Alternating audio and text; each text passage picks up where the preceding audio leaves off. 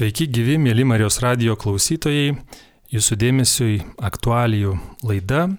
Šiandien sausio 26-ąją kalbėsime apie rytoj, sausio 27-ąją pasaulyje minimą tarptautinę holokausto aukų atminimo dieną. Besibaigiant antrajam pasauliniam karui 45 metais, sausio 27-ąją buvo išvaduota didžiausia nacistinės Vokietijos koncentracijos stovykla Aušvice Birkenau.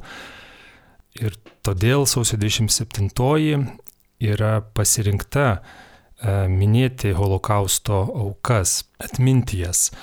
2005 metais Junktinių tautų generalinė asamblėja sausio 27 dieną paskelbė kasmetinę holokausto aukų atminimo dieną. Taigi šioje laidoje apie tai kalbėsime ir man labai malonu pristatyti studijos svečius čia Vilnius Marijos radio studijoje. Junktinio Amerikos valstijų holokausto memorialinio muziejaus atstovę Lietuvai Rūta Puišytė. Labą dieną. Labą dieną. Ir Vilniaus Švento Kristoforo gimnazijos mokytoją, eseistą, visuomenininką Vytautą Toleikį. Sveiki gyvi. Sveiki, ačiū labai, kad atėjote čia į studiją, sutikote dalyvauti šitoje laidoje. Kokia tarptautinis holokausto aukų atminimo dienos reikšmė, svarba, kodėl taip svarbu išsaugoti atminimą? Tai visų pirma, tai mes kartu gedėme su visų pasauliu, su visa ypatingai Europą. Mes tą dieną prisimename, jinai labai mobilizuoja ir Lietuvos ambasadas visas. Tai yra toks Lietuvos tarptautinį kontekstą sustiprinantis judesys ir aš žiūriu į tą minėjimą labai pozityviai nes mes tada dėja per liūdną temą mes kažkaip susivienėme tame skausme.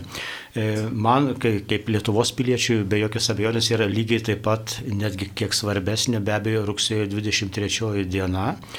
Nes Lietuvos Respublika, Lietuvos žydų genocido dieną, atminimo dieną parinko rugsėjo 23, kai buvo sunaikintas Vilniaus getas. Ir kai praktiškai prasidėjo visiškai jau kad tokia apokaliptinė katastrofa. Na ir mes tai padarėme gal 91 metais, tai gerokai, gerokai anksčiau už jungtinės tautas. Tai, tai šiame kontekste mes atrodome netaip bjauriai. Ir, ir, visų, ir dar svarbu yra tai, kad rugsėjo 23 vis tiek orientuoja jau mus į mus pačius. Mes turime apsidairyti, ko nepadarėme, kas darytina, kokios klaidos ir, ir todėl e, nesupriešindamas tų dviejų datų, aš kaip toks užsispyręs žemaitis esu labiau linkęs prie rugsėjo 23 minėjimas, jinai mane asmeniškai labiau liečia, labiau jaudina ir sukelia begalę minčių, tai, tai tiek galėčiau pakomentuoti. Lietuva šiek tiek anksčiau įvedė tokį minėjimą rugsėjo 23, kaip minėjot, o Junktinių tautų generalinė asamblėja 2005-aisiais jau priėmė sprendimą, priėmė sprendimą į tokią dieną skelbti ir inicijuoti atminimą. Ar buvo kažkoks tai poreikis tame, ta prasme, holokaustas buvo įvykęs keturi, žymiai anksčiau, praėjo laiko ir galbūt matėsi, jautėsi, kad e, žmonės ima pamiršti, ima maišyti, painioti ir kažkas panašaus? Turiu pasakyti, aš e, eidama į šį pokalbį nepasidomėjau tų minėtinų datų istorija ir kontekstu, todėl kad sausio 27-oji žinoma buvo žinoma data ir minima, tačiau jungtinės tautos 2005-aisiais atrodytų taip vėlai, bet pripažino ją kaip visiškai tarptautinę ir rekomenduotiną visoms tautoms. Bet va ta visa uh, minėtinų datų istorija ir kokią ją turi uh, įvairios tautos, Juk po jungtinių tautų paskelbimo 2005-aisiais labai neužilgo Europos komisija paragino ES narius irgi minėti holokausto dieną. Tačiau suprasdama, kad kiekviena iš ES narių turi savo holokausto atminimo dienas, kurios yra svarbios jų nacionalinių lygmenių. Todėl aš, pavyzdžiui, nu, negalėčiau, čia labai įdomi atskira tema, pereiti per, per datų, tas minėjimo datų, atminimo datų istorijas ir koks yra kontekstas ir kokie, kaip yra prieinama prie tų sprendimų. Taip. Bet matyt, kiekviena valstybė turi savo istoriją ir jungtinės tautos turi savo istoriją. Taip, e, daugiau galbūt norėtųsi klausti jūsų nuomonės ir žvilgsnio, kaip e, holokausto aukų atminimą veikia laikas. Ar labiau teigiamai, ar labiau neigiamai, ta prasme, kad e, per laiką atsiranda daugiau faktų, tyrimų, sužinome daugiau istorijų, e, užgyja kažkokios galbūt žaizdos, e, galime suvokti bei priimti skausmingas patirtis. Kita vertus, žmonės, kurie gali paliudyti, gyvėjai liudininkai miršta, buvęs žmonių skausmas tampa toks nebesavas, kažkur tolimas, tai tampa statistika, pradeda kažkaip šmėžuoti tų pačių klaidų kartojimo grėsmė. Kaip jūsų nuomonė tokį tragišką e, įvykį, reiškinį kaip holokaustas veikia laikas, jo atminimą kaip veikia laikas? Vien tai, kad kalbame apie atminimą ir kaip jį veikia laikas, aišku, truputėlį suteikia liūdėsio, nes žinom, kad prarandam pergyvenusius tuos įvykius žmonės, kurie patys paliudijo tą tragišką laikotarpį ir galėjo pasakoti, perduoti savo istorijas ir būti kartu su mumis, tai labai brangu.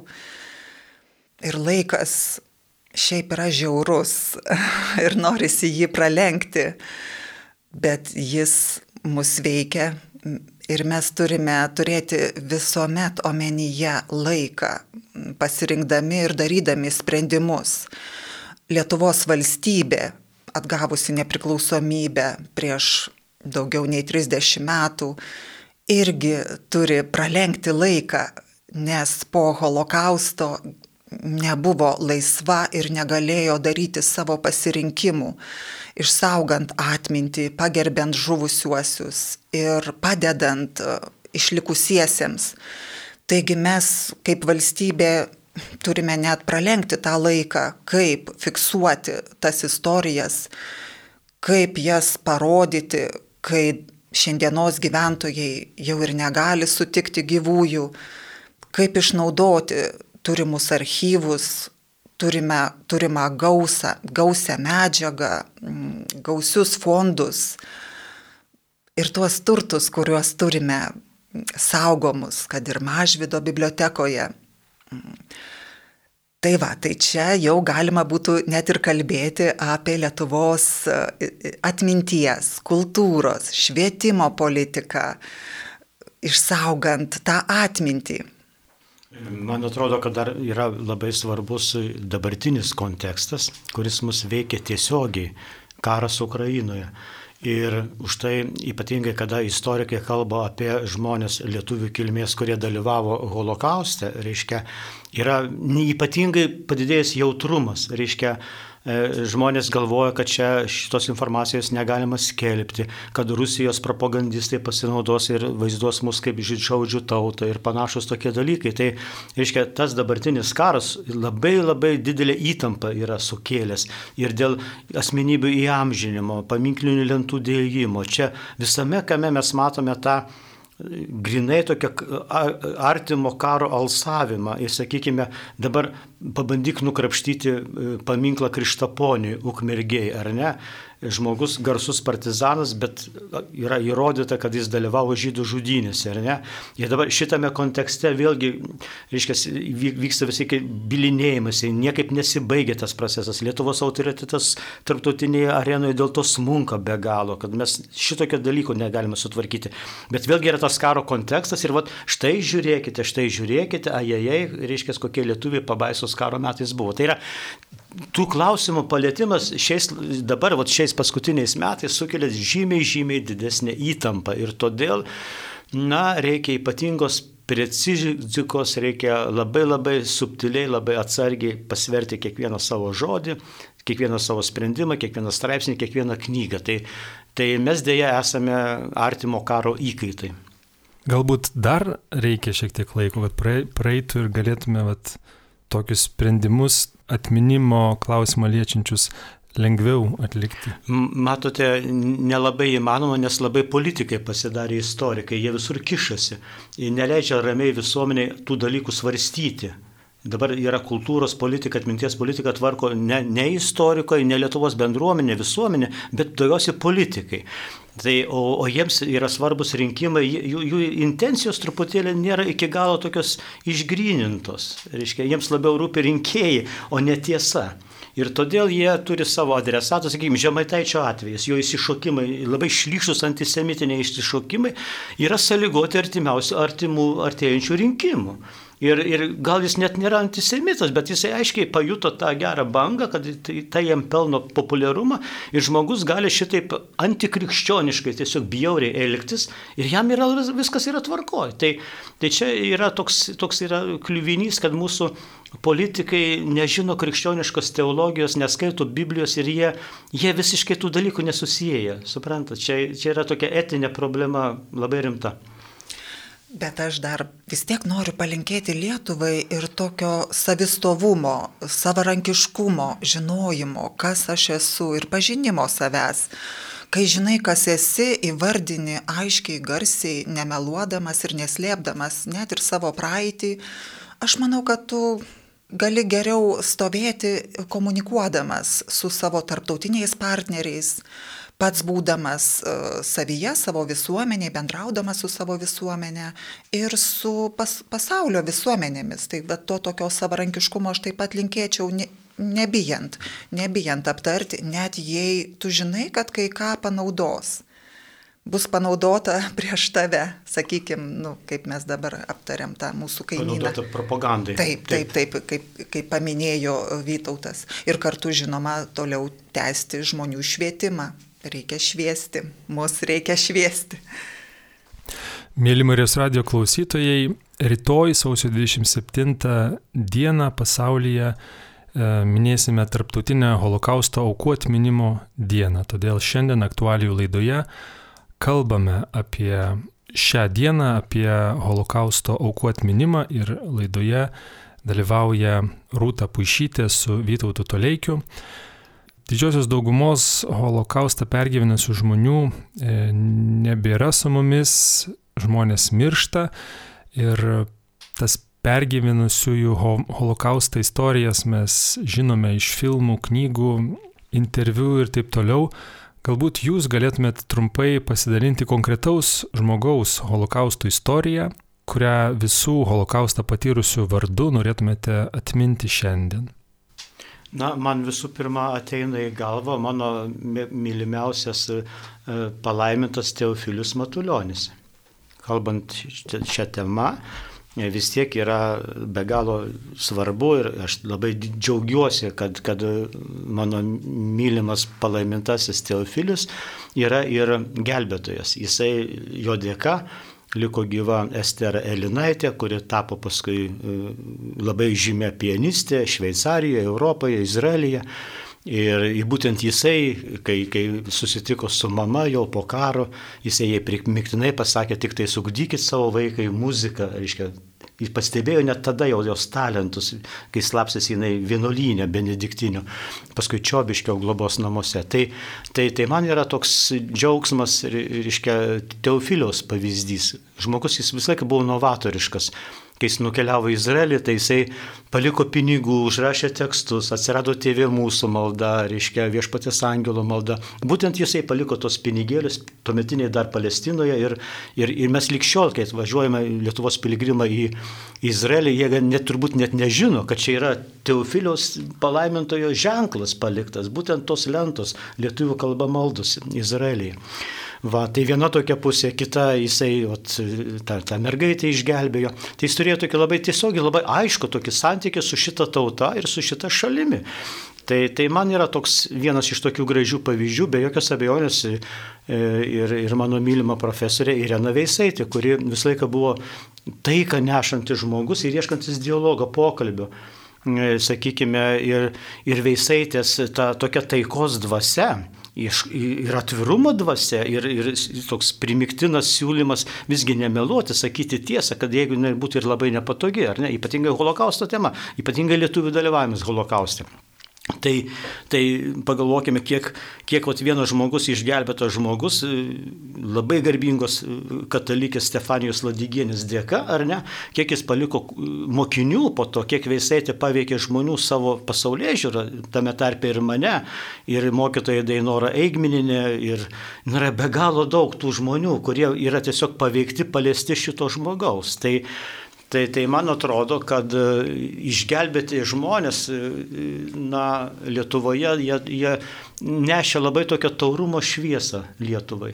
Ir, net, ir sovietmečio metu, ne tik tais e, nepriklausomybės laikais jau. Tai, tai man atrodo, kad mes e, turėtume į to žmonės atsigręžti ir pradėti kuo daugiau skaityti. Dabar dėl to, ar atmintis, ar vat, nebėra liudininkų, taip, aš bandau skaičiuoti, aš ko gero 2-3 žmonės Vilniuje be pažįstu, kurie išgyveno holokaustą. Tikrai tie žmonės visi jau mus palieka. Bet E, praeitis, holokaustas yra dabar. Jis yra dabar. E, tokia teologinė prasme, amžinybėje, taigi viskas vyksta čia ir dabar, amžinybėje, ar ne? Ir nu, kaip ir pagal, pagal judėjų teologiją, kad, kad praeitis yra priekyje, nes tu ją matai, nes tu ją žinai. Kiek tu ją žinai, tiek tavo akis yra atkrepšytos, tu ją matai. Todėl mm, kalbėti reiškia, kad nebėra tų liudininkų, čia yra tam tikra spekulacija. Ir noras nusimuilinti nuo temos apie tai nekalbėti, ai, užmirškime dabar nauji holokaustai prasidėjo tvarko. Ne, nieko panašaus. Visa tai yra mumise mūsų genuose, mūsų, mūsų e, kūno atmintyje, kur tik nėra. Ir, sakykime, jeigu man mama nuo 11 maždaug metų man pasakoja apie žydšaudžius, apie gelbėtojus, visas tas istorijas, aš nuo vaikystės visą tai žinau. Tai persidavė mano dukrai, aš ir dukrai pasakodavau viską, ką pasakoja mano mamaitė. Suprantate, tai Tai, tai aš taip per daug dėl to nesisielauju. Čia yra visai kitos problemos mūsų laukia. Atmintis ar liudininkai, visai kiti dalykai. Žmonės nebeskaito, žmonės pasidarė egoistai, jiems niekas neberūpi, tik jų pilvas ir jų geras seksas ir niekas daugiau. Tai, tai čia yra kit, vis, visai kitos problemos. Jeigu mes kalbame apie edukaciją, Tai tie metodai, kuriuos mes taikėm 20 amžiaus pabaigoje, jie nebeveikia jau. Reikia visai kitų, kitų būdų, kurių galbūt dažnai netgi ir švietimo operatoriai net nežino. Iš tiesų, pritarsiu Vytautui apie nuostabėją e, Ireną Veisaitę ir jos padarytą poveikį Lietuvai, žmonėms ir konkretiems žmonėms. Ta pati komplimentą noriu pasakyti Vytautui. Jis per savo darbą ir savo tą dovaną, kurią turi, taip pat daro tą poveikį, kuris yra nuostabus. Aš atmindama holokausto, holokauste žuvusius ir išgyvenusius žmonės noriu trumpai pasidalinti mane sujaudinusią istoriją. Osvaldas Rufeizenas, Lenkijos žydas, išsigelbėjęs iš, per holokaustę Vilniuje, kadangi iš Lenkijos jisai pabėgo, sustojo Vilniuje, tada traukėsi toliau ir apsistojo mirę Tai Baltarusijos mažas miestelis, gal kas yra lankęs. Labai graži pilis. Taip, nuostabiai ir gražiai suremontuota pilį. Tai šita pilis, kaip ir dalis Lietuvos tam tikrų vietų, kaip pavyzdžiui Kurhauzas Palangoje, yra ne tik gražus istorinis pastatas, e, bet ir holokausto vieta kaip Palangos Kurhauzas buvo žydų sulaikymo vieta ir selekcijos taip ir ši Miro pilis e, buvo žydų getas. O e, Osvaldas apsimetė esas e, pusiau vokietis, pusiau lenkas, kadangi, aišku, nuostabiai mokėjo vokiečių kalbą ir savo veidų nebuvo labai primenantis žydą. Jisai tarnavo vokiečiams ir kol jį įtarė, Ir tada jam reikėjo trauktis, gelbėtis. Ir jis pasibeldė į myrę veikusio katalikų vienuolyno e, duris. Tai buvo Lenkų vienuolynas. Ir jam atidarė duris e, vienuolyno vyresnioji, tai nebuvo gausus moterų vienuolynas, vos keletas vienuolių tuo metu ten gyveno. Vyresnioji atidarė ir ji iš karto išgirdo balsą. Čia busimasis kunigas, Ir jis stovi, žiūri šitą vyrą, jauną vyrą, mato, kad jis yra žydas. Jis suprato, kad čia yra žydas, čia, čia nepanašu į kunigą. Bet jinai jį priėmė rizikuodama, aišku, nes tie, kurie gelbsti, priima, rizikuoja gyvybę. Jį paslėpė tokioj kaip palėpiai, Ir jisai sako tom moterim vienuoliam, žinot, mano bodoka slapstytis, gal duokit kokių knygų paskaityti. Na ir jos davė jam katalikiškos literatūros. Jam beskaitant, jie aplankė Kristus ir jis tapo krikščionimi, jis atsivertė. Ir tada, kai vienuolis, aišku, jį lanko, neša valgyti, sutvarko sanitarinės, tas hygieninės e, klausimus e, jis paprašė krikštytis, jis apsikrikštijo. Taip pat jis bandė gelbėti ir padėti uh, Miro pilyje kalintiems žydams, tačiau jam nepavyko, nes jo neklausė. Apie, jisai žinojo tas datas, kada bus šaudimai. Na ir po karo jisai kunigavo, jisai tikrai tapo kunigu, gyveno Jeruzalėje ir galbūt apie 83-aisiais jis davė tą tokį pirmąjį interviu uh, iš Lenkijos kilusiai žydėjai, mokslininkiai, istorijų rinkėjai, gyvenusiai jau Amerikoje, taip pat ir holokausto suvaiveriai Nehamai Tek. Tai turbūt tokią istoriją norėjau papasakoti apie nu, tam tikrus neįtikėtinus dalykus, kurie vyko žudinių metu. Osvaldas, dar kartelį gal galėtumėt pakartoti jo vardą. Osvaldas Rufeisen. Ir gali klausytojai susidomėję rasti kažką žinoma, apie jį internete? Žinoma, kad aš manau, kad net gal yra ir pastatytas filmas, bet aš dabar vat ateidama nelabai pasitikrinau, nes mhm. pagal Nehamos tek surinktas istorijas yra pastatyti filmai, jie buvo demonstruojami ir Lietuvoje. Ir tai aišku apie įvykius, kurie irgi vyko aplink mus. Tai aš turiu anglų kalbą Nehamos tek knygą In the Lion's Den. Tai tarsi liūto urve, kaip jam teko išgyventi tokioje vietoje. Ačiū labai už, šias, už šios pavyzdžius, e, tikras istorijas.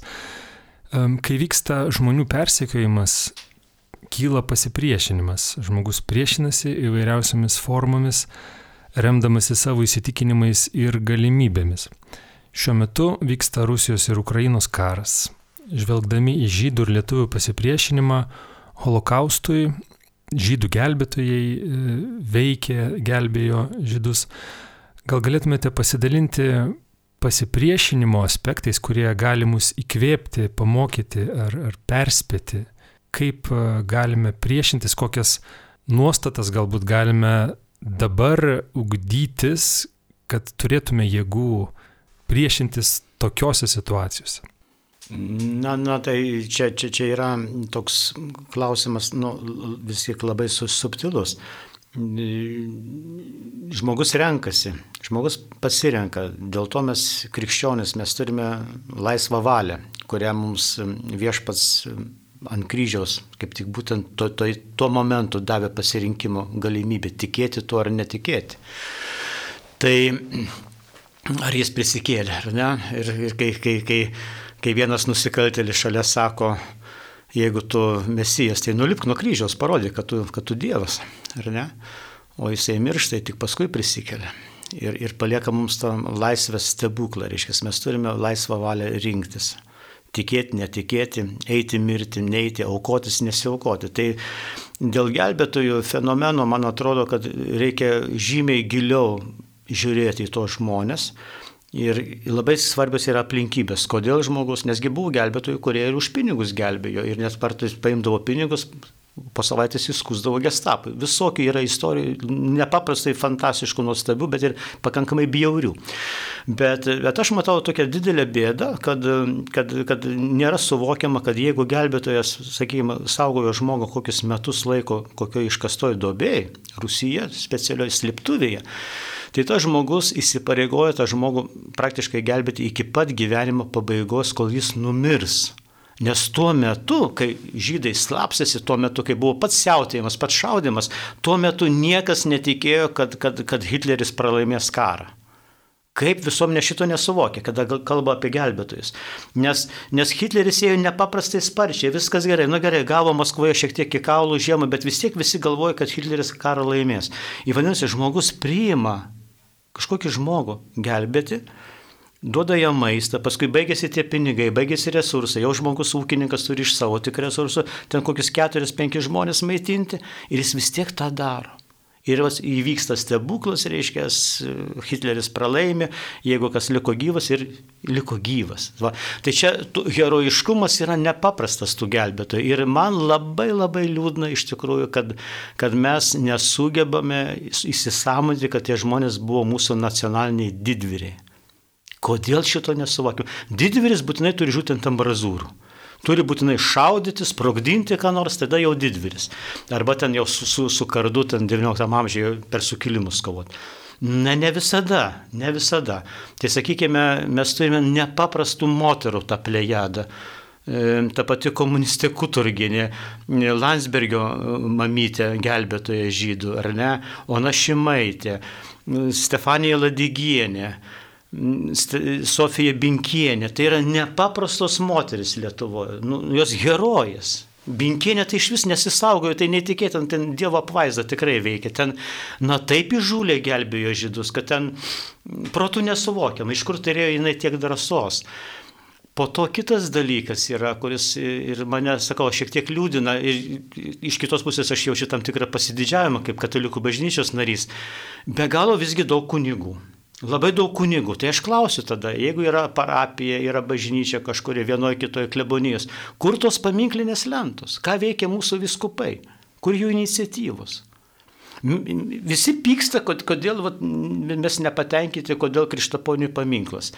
Na jeigu jūs taip pykstate, tada jūs pastatykite tas paminklinės lentas gelbėtojams ir ypatingai kunigams. Labiausiai yra nuskriausti gelbėtojų kunigai, mažiausiai tų lentų atminimo to, to džiaugsmo, kad štai kunigai labai jautriai reagavo. Suprantu, tai Tai tas, reiškia, jam, reiškia, vienas žydas šitais mačernisgi hebrajų kalbą mokėsi Marijono vienuolynę, Žemaičių kalvarijoje, kur vienas žydas slapstė Marijonai vienuoliai. Tai va, tai, tai žodžiu, va, man atrodo, kad kad mes daug spausdiname knygų, ale jų neskaitome. Čia yra Lietuvos tokia tragedija. Aš taip truputėlį, taip nepiktai čia kalbu, reiškia, bet, bet norisi paskatinti, truputėlį nu, reikėtų pajudėti. Nu, negi, negi taip esame visi taip ypatingai užimti, ar tikrai? Aš mąstydama apie šį klausimą noriu savo ir klausytojam palinkėti stiprinti save, išlikti tais paprastais žmonėmis, kokiais mes esame gelbėtojai buvo paprasti žmonės. Gal todėl mums šiandien sudėtinga statyti tuos paminklus ir juos taip iškelti, kažkaip gražiai pagerbti, nes tos apie... Brangių nereikia, rūtų, brangių nereikia. Taip, taip, taip, taip, aš suprantu, suprantu, bet tas žmonių paprastumas, kai žiūri į tą gelbėtojo nuotrauką, stovinti tame, žinot, Lietuvos kaime su tais, su tom vyžom, nu, ten viskas labai paprasta. Taigi va, kiekvienas mes mąstykime, net jeigu ir nežinom tos istorijos detalių, bet gal po šios laidos kils mintis daugiau susipažinti, perskaityti, pažiūrėti filmą, raginu, pasis pasidomėti tomis istorijomis, įsikvėpti ir pačiam permastyti, ką aš galiu, kas aš esu ir kaip aš galiu save stiprinti. Šiandieną mes esame labiau kaimynai ir pagalba kovojančiai Ukrainai, bet ir mums reikia tos vilties ir ištvermės, nes proveržio ir pergalės dar turim laukti nežinom apie ją, tai turim save stiprinti kaip Ukrainos palaikytojus. Ir tam reikalingas viskas. Ir paprasti dalykai, ištikimybė paprastose kasdieninėse užduotyse, taip pat noriu žmonės liestis dar ir dar labiau prie kultūros. Karą, per karą gyvenantis žydai uždaryti gete jei dar nežuvo pirmomis dienomis, taip pat rėmėsi į kultūrą. Nu tai yra tam tikras šaltinis stiprėti, stiprinti savo žmogiškumą, gerasias savybės, kurti, nu, tą tokį ryšį vienas su kitu per kultūrą. Tai aš dar noriu, nu, užtarti ir kažkaip tai paraginti žmonės atsiverti kultūrai. Ar tai būtų knyga, teatras, koncertas, muzika, bendrystė, susitikimas, kas, kas iš tikrųjų vienyje ir jungia žmonės. Aš čia noriu rūtai paturavoti ir prisiminiau kaip tik palaimintasis Teofilius Matulionis iš lagerio. Žinot, kokios knygos prašė, kad jam atsiųstų? Anglų kalbos vadovėlį. Svizuojat? Senatvėje jisai mokosi anglų kalbą. Tai žinome, kad e, Strašūno bibliotekoje Vilniaus gete skaitomiausia literatūra buvo užsienio kalbų žodynai ir kalbų vadovėliai. Žmonės tokią viltį turėjo kad jie, aišku, mintis tokia, ne, šitoj bjaurioje vietoje mes nebeliksime, mes galbūt jeigu liksime gyvi, mes išvažiuosime į Izraelį arba į Ameriką, reikia mokytis užsienio kalbų. Ir jie mokėsi. Skaitamiausia literatūra buvo žodynai ir vadovėliai. Ir Matuljonis rodo tą patį pavyzdį. Tai yra, kada tu esi tokioj būsenoje, tai intelektualinis gyvenimas ne visigi gali būti maldos gyvenime, ar ne? Tai, tai tas labai padeda, labai stiprina, be jokios abejonės. Laidos pabaigoje tikrai norėsis jūsų paklausti, ką būtent e, norėtumėt pasiūlyti knygą ar, ar kažką paskaityti, e, pasidomėti būtent šią holokausto aukų atminimo temą.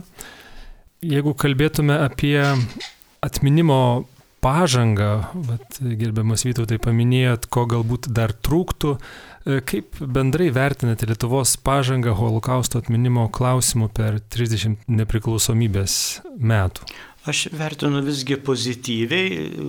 Būtų gerai, kad žmonės turintys egoistinių paskatų nelystų į holokausto temą, jie visą laiką viską sugadina ir mus nubloškia dešimt metų atgal.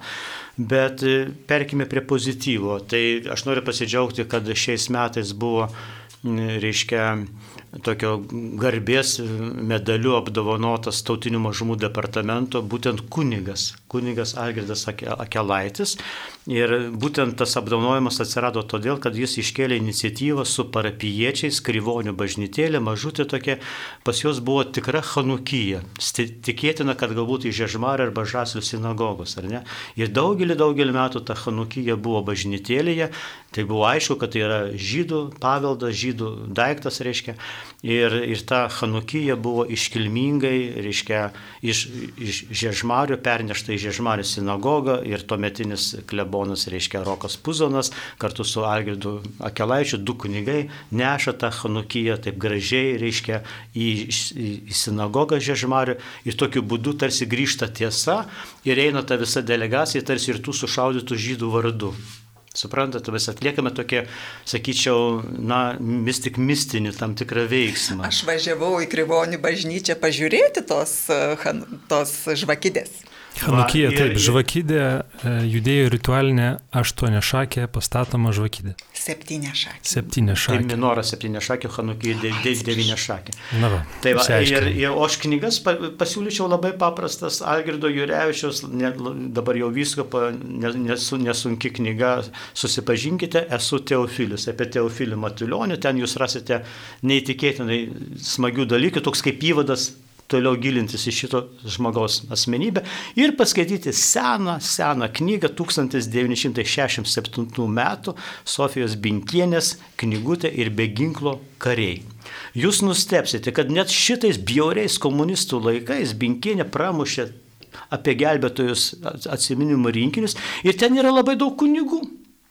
Jų vadinasi buvo tiek daug, kad net kalbant apie gelbėtojus nebuvo įmanoma šitos temos apie net sovietų laikais. Tai ten tikrai galima vien tą knygą remiantis, na, kokie 30 paminklinių lentų prie klebonijų, prie vienuolynų prikalti. Pačiu artimiausiu laiku to ir linkėčiau visiems. Aš prisidėdama e, ir prie to, ką mes anksčiau pasakėm, ir prie to klausimo gal palinkėti, ką galima būtų ar paskaityti, ar pažiūrėti, ar susipažinti. Noriu kažkaip tai klausytojus paraginti, skaitydama, perskaitydama trumpą, trumpą sakinį iš Iciko Rudaševskio dienoraščio. Tai Vilniaus geto kalinys, kuris nesulaukė išvadavimo, nesulaukė tos rugsėjo 44 e, metų. E, jisai rašo, Šiandien man sukako 15, daug maščiau ir nusprendžiau nešvaistyti savo laiko gete veltui. Jaučiuosi laimingas, kad galiu mokytis, skaityti, ugdyti save. Iš geto nepakils palūžusios dvasios jaunimas, iš geto pakils stiprus, užsigrūdinęs ir gerai nusiteikęs jaunimas. To labai linkiu Lietuvai šiandieną, kuri teikia pagalbą kovojantiems, kuri palaiko, kuris siekia taip pat ir savo pačios tam tikros gerovės, ruošiasi rinkimams 24 metais, nežinot, kai mes žvelgiame į istoriją, matome tuos lyderius ir mums kažką reikia pasirinkti šiandieną, tai irgi truputėlį tas istorijos pažinimas padeda mums renkantis tuos lyderius, tuos vadovus. O kalbant apie, ką būtų galima paskaityti ar pažiūrėti, atvirai tariant, atėjau turbūt ir nepamaščius apie tai. Gal kas iš žiūrovų išdrys pažiūrėti Klodo Lansmano filmą Šoa. 9 valandas. Pasiskirkit per kokias penkias dienas po gabaliuką ir pažiūrėkit labai ugdantis ir daug ką pasakojantis. Ačiū Jums labai, e, mėly pašnekovai, už tai, kad šioje laidoje dalyvavote, pasidalinot savo mintimis ir taip pat ką, rekomendacijomis, ką paskaityti, pažiūrėti, kuo pasidomėti. Mėly klausytojai, šiandien sausio 26 išvakarėse tarptautinės holokausto aukų atminimo dienos aktualijų laidoje kalbėjome apie holokausto aukų atminimą ir laidoje dalyvavo Junktinių Amerikos valstybių holokausto memorialinio muziejaus atstovė Lietuvai Rūta Puišytė ir Vilniaus Švento Kristoforo gimnazijos mokytojas, eseistas ir visuomenininkas Vytautas Toleikis. Šiandien laidą vedžiau aš Rimas Macevičius. Ačiū Jums, kad klausėtės. Šitą ir kitas Marijos radio laidas galite susirasti internetinėme puslapyje marijosradijas.lt, perklausyti, dalintis su kitais. Ačiū, kad klausėtės, likite ir toliau su Marijos radiju. Sudie. Sudie.